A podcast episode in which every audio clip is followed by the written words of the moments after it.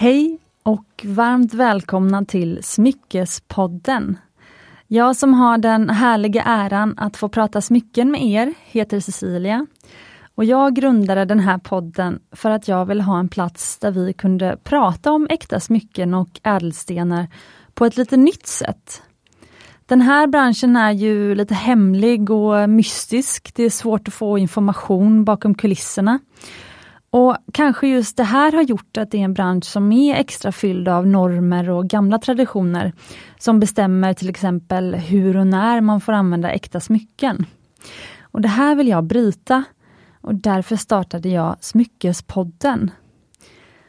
Och Om du också vill delta i den här konversationen så kan du superenkelt göra det genom att helt enkelt skicka DM till mig på Instagram, där jag heter The Jewelry Designer eller till oss på Smyckespodden.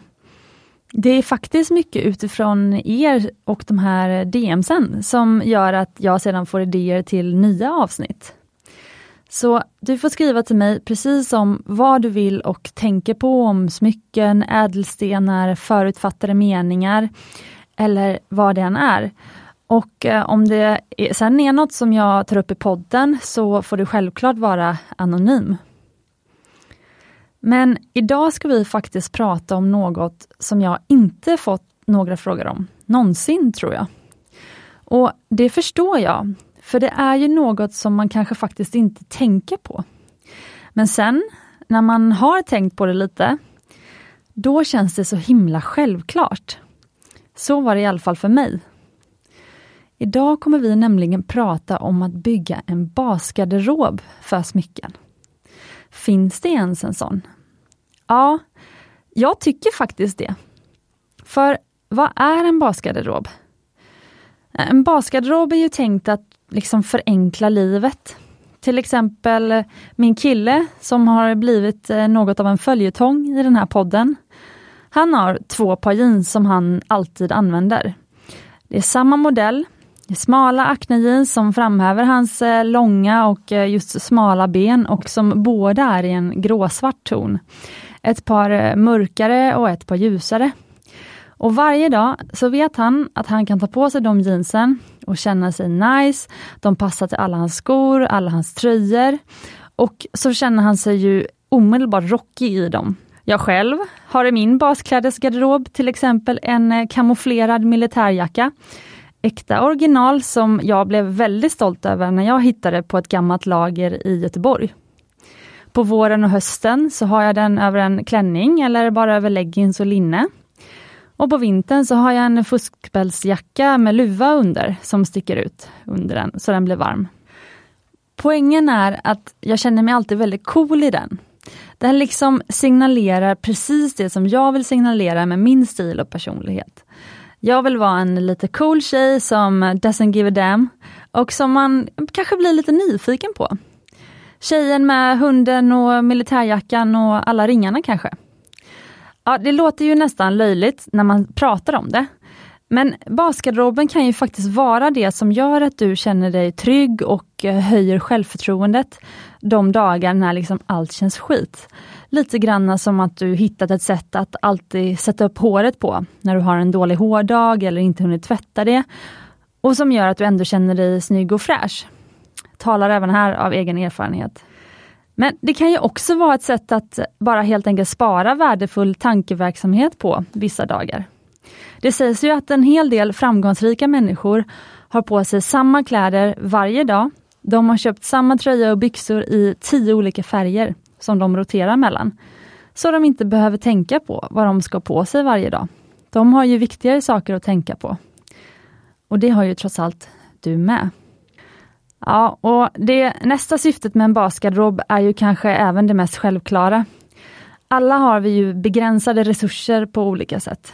Oavsett om det handlar om storleken på garderoben, på plånboken eller på vår planet.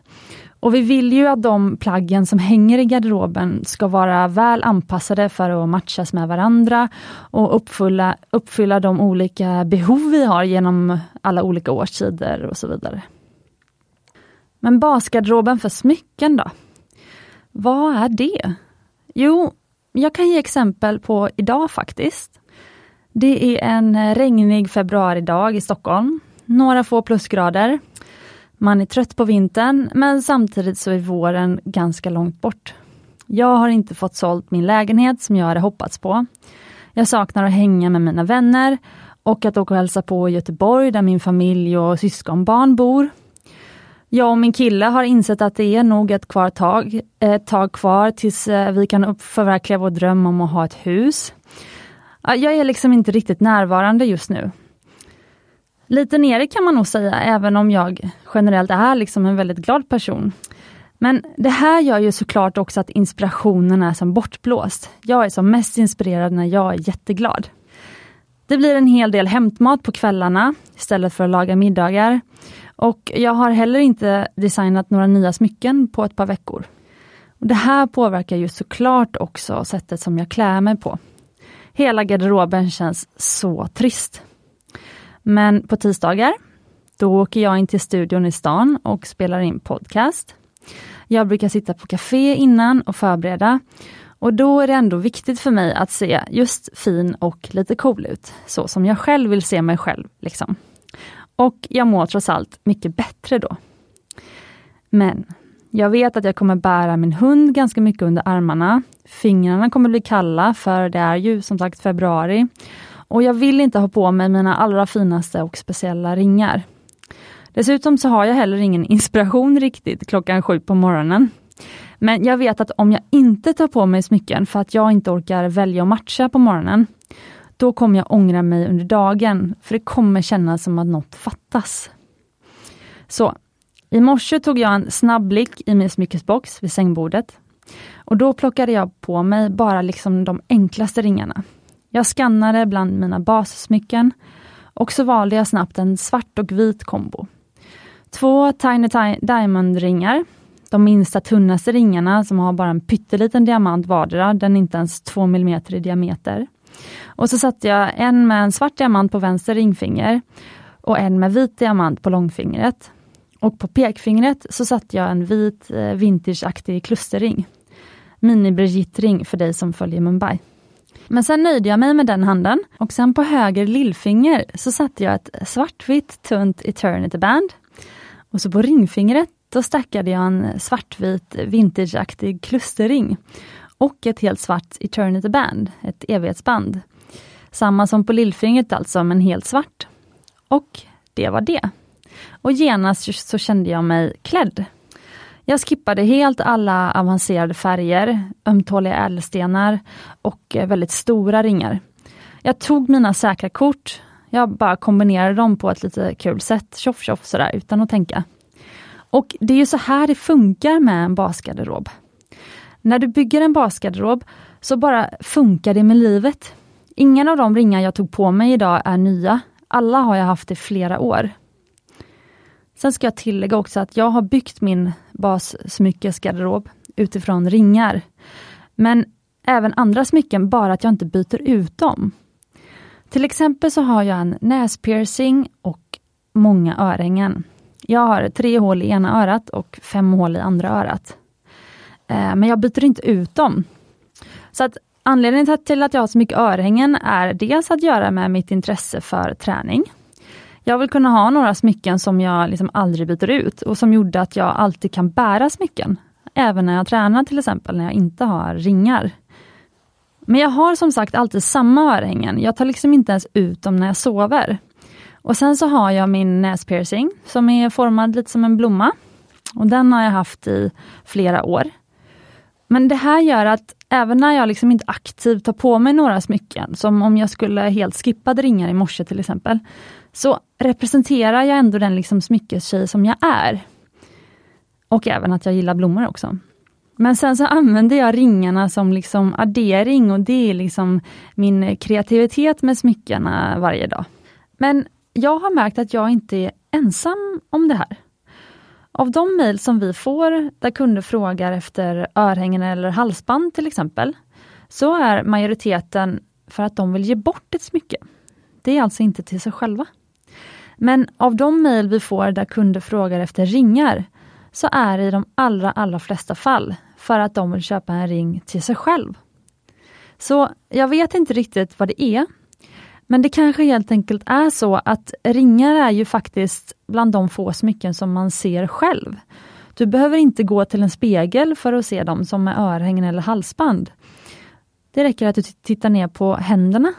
Så det kanske helt enkelt känns mer personligt.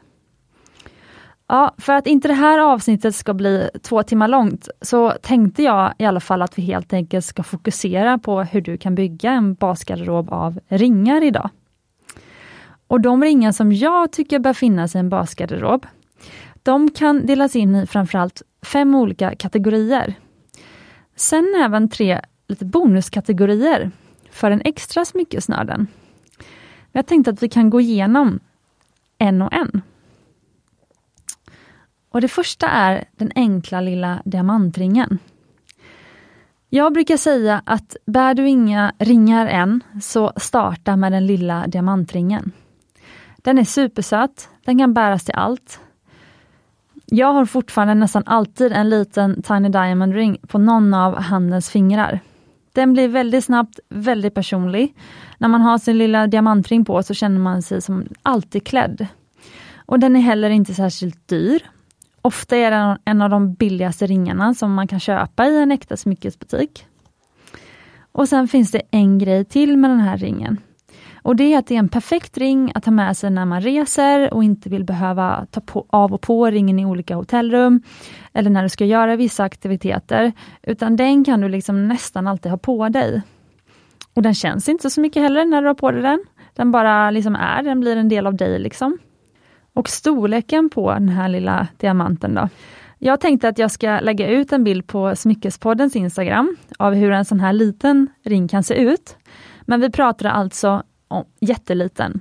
Min diamant är bara 1,7 mm i diameter.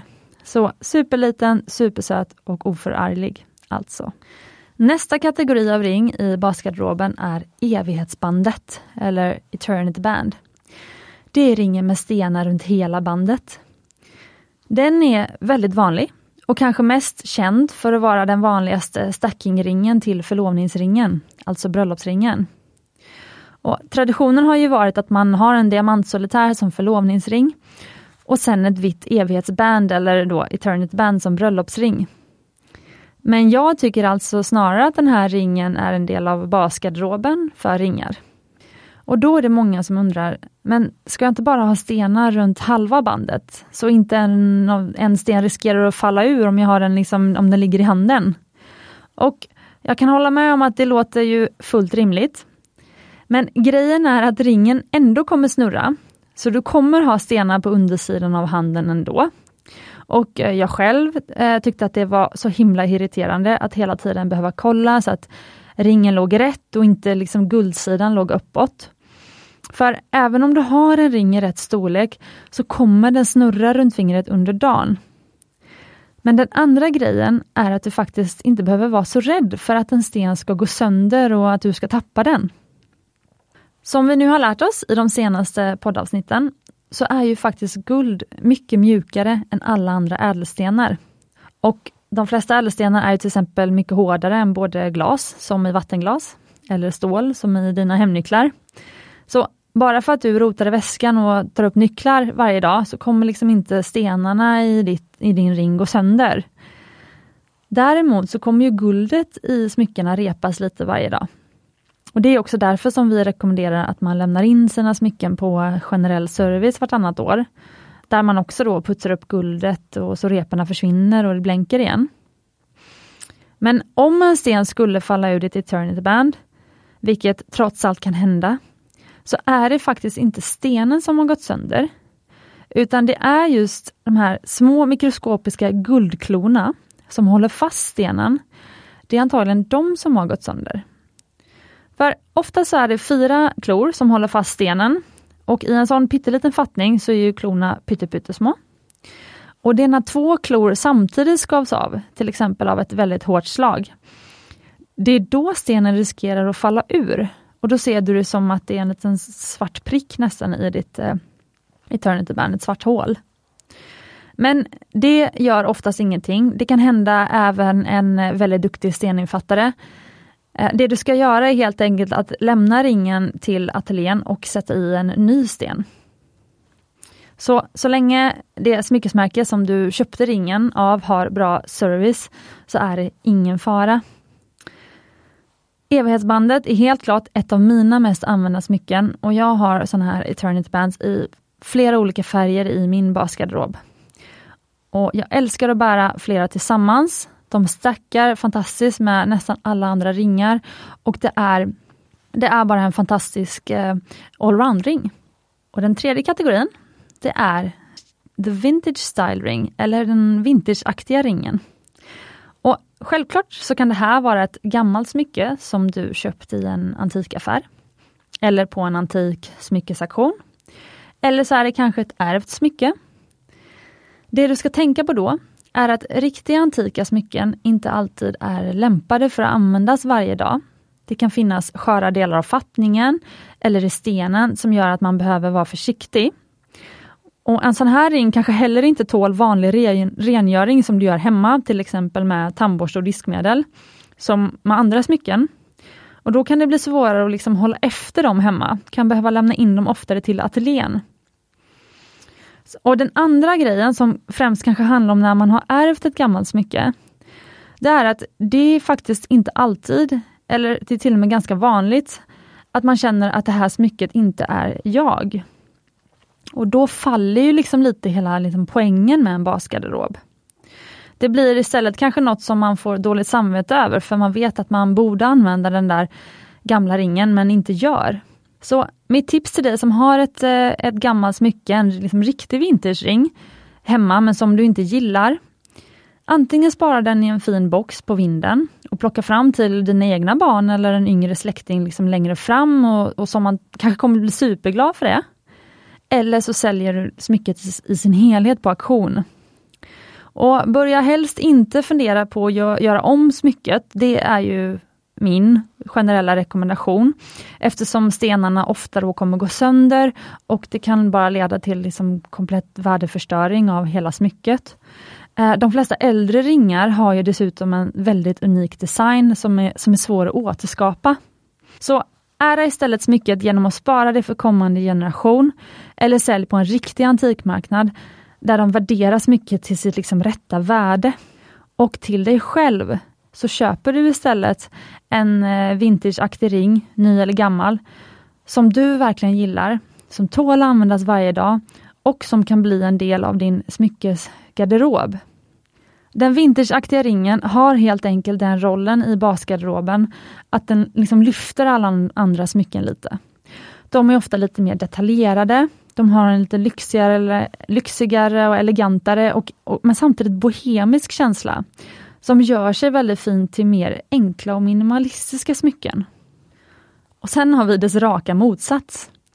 Det släta guldbandet, eller the plain gold band som vi kallar det på Mumbai. Det är helt enkelt en slät ring, helt utan stenar eller andra krusiduller. Det är gärna en tunn ring som knappt syns när du bär den ensam, eller den liksom bara glimrar till ibland på fingret. Det är den perfekta ensamringen när du vill ha en ring som liksom är barely there. Men det är även den perfekta stackingringen. Den förstorar och kompletterar en stack av andra ringar. Att sätta liksom ett goldband i en stack mellan mer uppseendeväckande smycken, det liksom separerar de andra smyckena och liksom gör dem tydligare. Och det släta guldbandet är ju precis som den lilla diamantringen också din perfekta resekompis. När du inte vill ha med dig hela smyckesskrinet, så ta med dig den. Det släta guldbandet kan du ju även variera utifrån din personlighet. Alltså ringbandet kan vara runt eller kantigt. Det kan ha glansig eller matt finish. Och sen så kan även eh, bandet, om du vill, vara lite mönstrat. Du väljer själv. Nu har vi kommit in på den femte ringen, eller kategorin, som ju jag tycker du bör ha i din smyckes eh, eller ringgarderob, ringbasgarderob ska jag säga. Och det är faktiskt en som jag själv fortfarande saknar. Och kanske därför förstår jag ännu mer vilken roll den spelar. Men anledningen till att jag själv inte har slagit till än, det är helt enkelt för att jag inte har hittat rätt stenen. Och den ring jag pratar om är förstås diamantsolitären. Den kanske mest är känd som den klassiska förlovningsringen. Men jag tycker att den spelar en större roll än så. Solitären är som den vita t-shirten för smycken, eller de perfekta jeansen eller sneakersen. Eller kanske alla tre på en gång. För när du har en sån så är du liksom helt klädd. Det räcker att bära en ensam, riktigt fin solitärring så är du liksom färdig. Och Det här gör att jag nästan tycker att du bör välja en ring som inte är en klassisk solitär som förlovningsring. För då vill du väl ha en mer speciell och personlig ring som representerar din partner. Solitären kan du köpa ändå. En rolig grej är att när jag hade en pop-up i Göteborg för ett par år sedan, så träffade jag just en kvinna som skulle gifta sig. Och Jag vet inte om det var hennes andra äktenskap, men hon var väl runt 45 år. Hon hade barn som för länge sedan hade passerat småbarnsåren och hon var väldigt nykär i sin man. Hon valde mellan en Trinity-ring, alltså en trestensring som också är populär som förlovningsring, och en solitär. Och hon var verkligen kär i båda ringarna. Men trestensringen var mer symbolisk för hennes kommande äktenskap, så hon valde den. Men några veckor senare så mejlade hon och skrev att hon verkligen ville ha solitären och så slog hon till på den ändå. Eller också, för att hon bara vill ha en solitär i smyckeskollektionen. Den är så enkel att kombinera och att bära den på höger ringfinger tillsammans med hennes trestensring på vänsterhanden, det blev en så fin kombo. Och här vill jag säga en sak också angående eh, stenen, för i en solitär så är ju verkligen fokus på just den här mittenstenen. Och Vi kommer prata om färger lite senare, men det jag vill säga är att du behöver inte tänka på att du behöver ha en vit diamantsolitär. Du kan välja en annan färg. Varför inte champagne till exempel? Men just solitären har en viktig funktion i din smyckesgarderob. Liksom oavsett vilken liksom färg du väljer på stenen. Och dessutom kan du välja något annat än en rund briljant. Det är ju det vanligaste. Men du kan ju till exempel göra det mer personligt genom att välja en rektangulär sten eller en droppformad sten istället. Något som känns du. Men om jag får gissa så tror jag att den solitäring som du väljer antagligen kommer att bli en av dina allra mest använda ringar.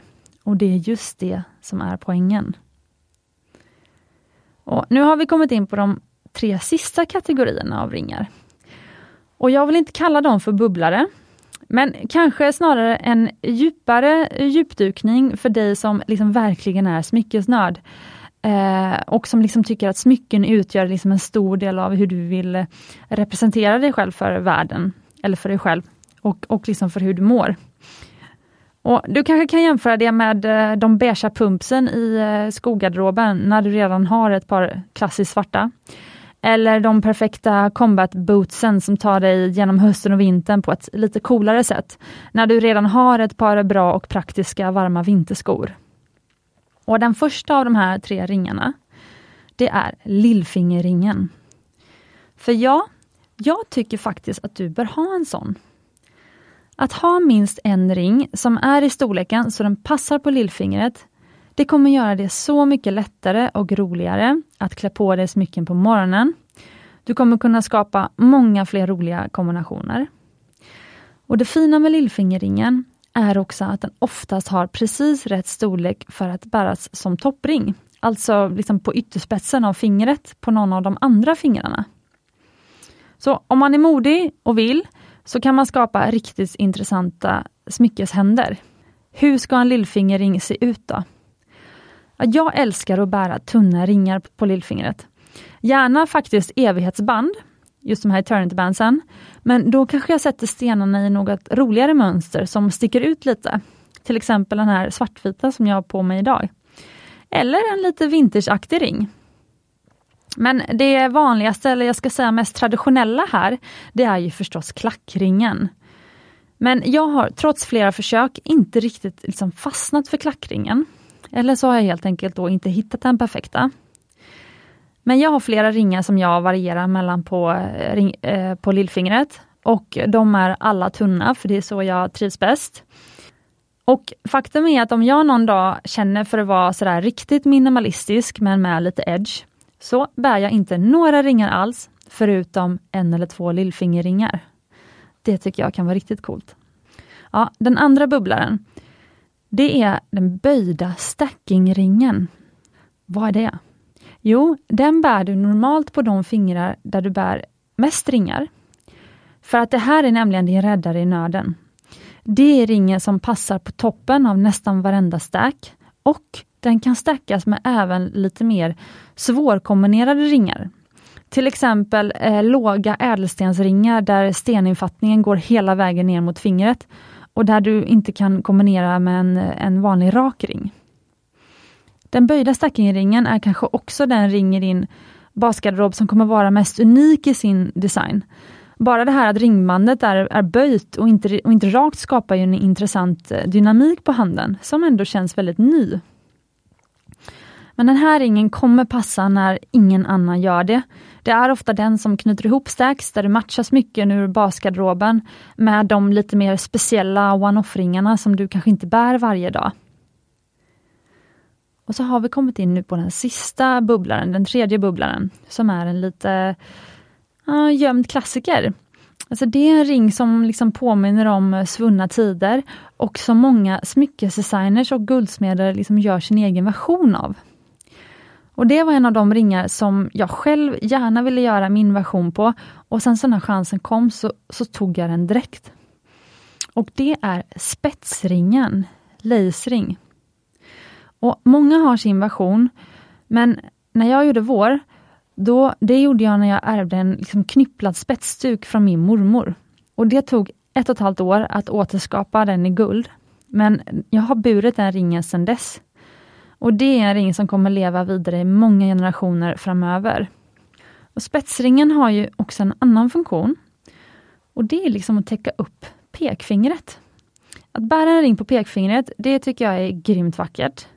Och det är också tillräckligt ovanligt att se för att smyckesnördar eh, liksom ska ha gjort det lite till sin speciella grej. Det är lite häftigt att bära något på eh, pekfingret. Och Det finns ju flera andra vackra ringar att bära på pekfingret såklart. Men, men poängen är att de gärna får vara eh, platta ringar där ingen sten sticker upp eller så. Men de får gärna vara lite större. De får gärna liksom krama om eh, pekfingret. Pekfingret är ju också det finger som är störst hos många. Och det ger liksom den uppmärksamhet som det här fingret eh, förtjänar. Och innan jag började med Mumbai så var Ole Lindgårds livring faktiskt länge en av mina drömringar. Den tycker jag också är grymt vacker som just eh, pekfingerring. Men sen gjorde jag ju min egen och nu bär jag alltid den här Cecilia Leisring på just pekfingret eftersom min mormor också hette Cecilia. Och Det här var de åtta varianterna eller kategorierna av ringar som jag tycker utgör en riktigt bra basringgarderob. Eh, Och hur just dina varianter av de här modellerna ser ut, det är ju väldigt personligt för dig. Och Jag tänkte att jag, innan vi knyter ihop för idag, kan ge dig lite tips att tänka på när du ska hitta just dina varianter av de här ringarna för att bygga din basgarderob. Och det är egentligen bara tre väldigt enkla men ändå viktiga tips som kommer av min egen erfarenhet av att bära smycken, men även av mina erfarenheter från, från kunder.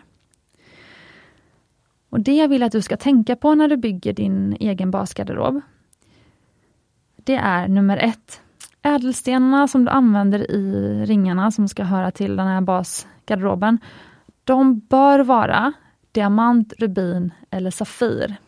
Och som tur är så finns naturliga diamanter ganska lättillgängligt i både vitt, svart och eh, alla olika nyanser av beige till brunt. Och Safirer kommer naturligt i alla regnbågens färger. Så du kommer fortfarande ha alla färger att välja på. Du behöver absolut inte begränsa dig till vita diamanter, röda rubiner eller blå safirer bara för att det är basgarderoben, utan tvärtom. Men varför just de här tre, tre stenarna då? Jo, det är helt enkelt därför att precis som vi har lärt oss i podden, så är det de hårdaste och mest hållbara ädelstenarna. Och därför de absolut bästa valen i smycken som du vill kunna bära varje dag, år efter år. De blir inte lätt repade, de håller sin lyster väldigt, väldigt länge och riskerar inte att få flisor eller gå sönder väldigt lätt. Vilket leder mig direkt in på punkt nummer två, som handlar om just färgval. Hur ska du välja färger på stenarna till smyckena i din basgarderob? Du kan såklart välja bara helt vitt, helt eh, champagne eller vilken färg du nu gillar. Men det kan vara kul att ha minst ett par olika färger som du kan kombinera mellan. Då kan du vara helt svart en dag, men du kan även vara svartvit och champagne en annan dag. Om du har åtta ringar i tre olika färger så kan du till exempel ha någon ring utan sten, som det släta guldbandet. Sen kan du ha några med till exempel vita och svarta stenar, som jag själv. Du kan ha en ring som har olivgröna och champagnestenar och två helt svarta. Och sen kan du kombinera dem hur du vill. Det som är viktigt att tänka på är att liksom alla färger bör passa ihop.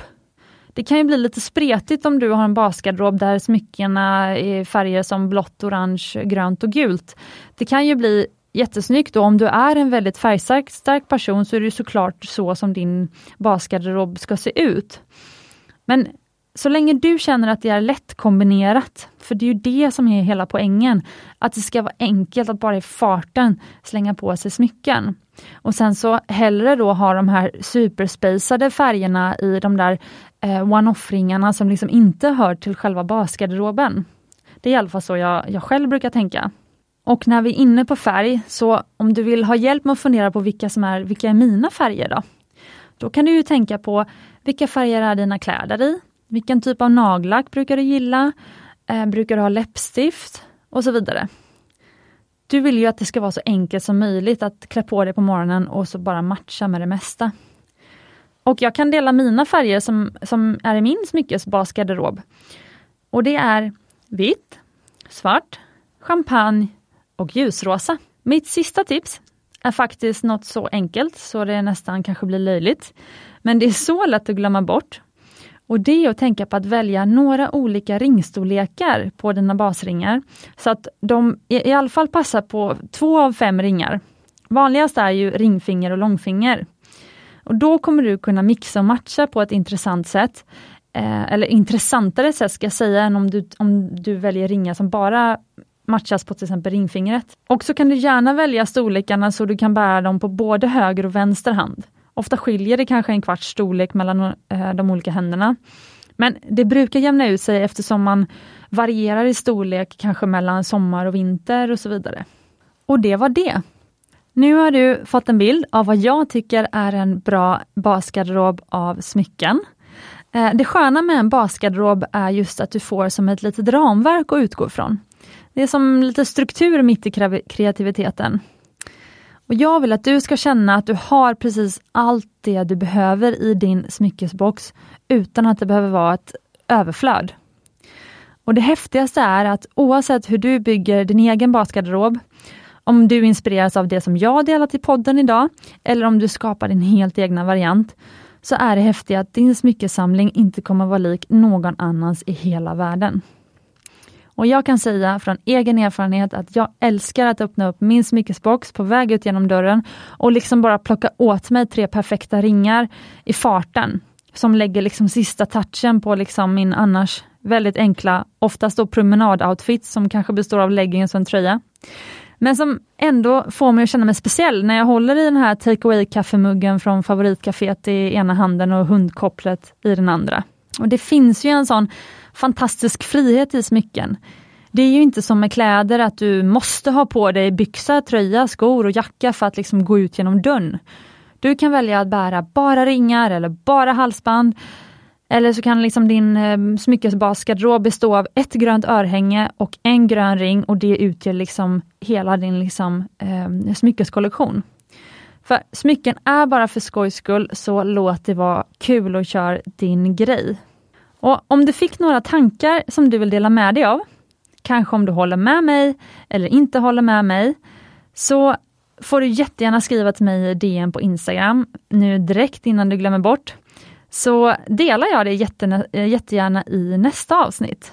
Du kanske själv har skapat din egen basgarderob av smycken helt omedvetet. Dela gärna det. Och självklart så får du alltid gärna vara anonym. På Instagram så heter jag The Jewelry Designer och Smyckespodden har även en egen Instagram där vi heter Smyckespodden. Och där kan jag ibland lägga ut eh, bilder som kanske är relevanta för ett avsnitt, så kika gärna in där. Och om du lyssnar varje vecka och tycker podden är bra och intressant, så får du jättegärna ge oss en rating i din podcastspelare. Och nu vet jag att jag låter lite som en upphakad bandspelare, men jag påminner om det för att det är så viktigt och det är i princip det enda sättet som en podcast kan spridas på. Det och att vi får många subscribers. Så om du har gjort det, om du har gett oss en review så vill jag säga tusen tack. Det är guld värt. Och glöm inte, du är värd äkta smycken.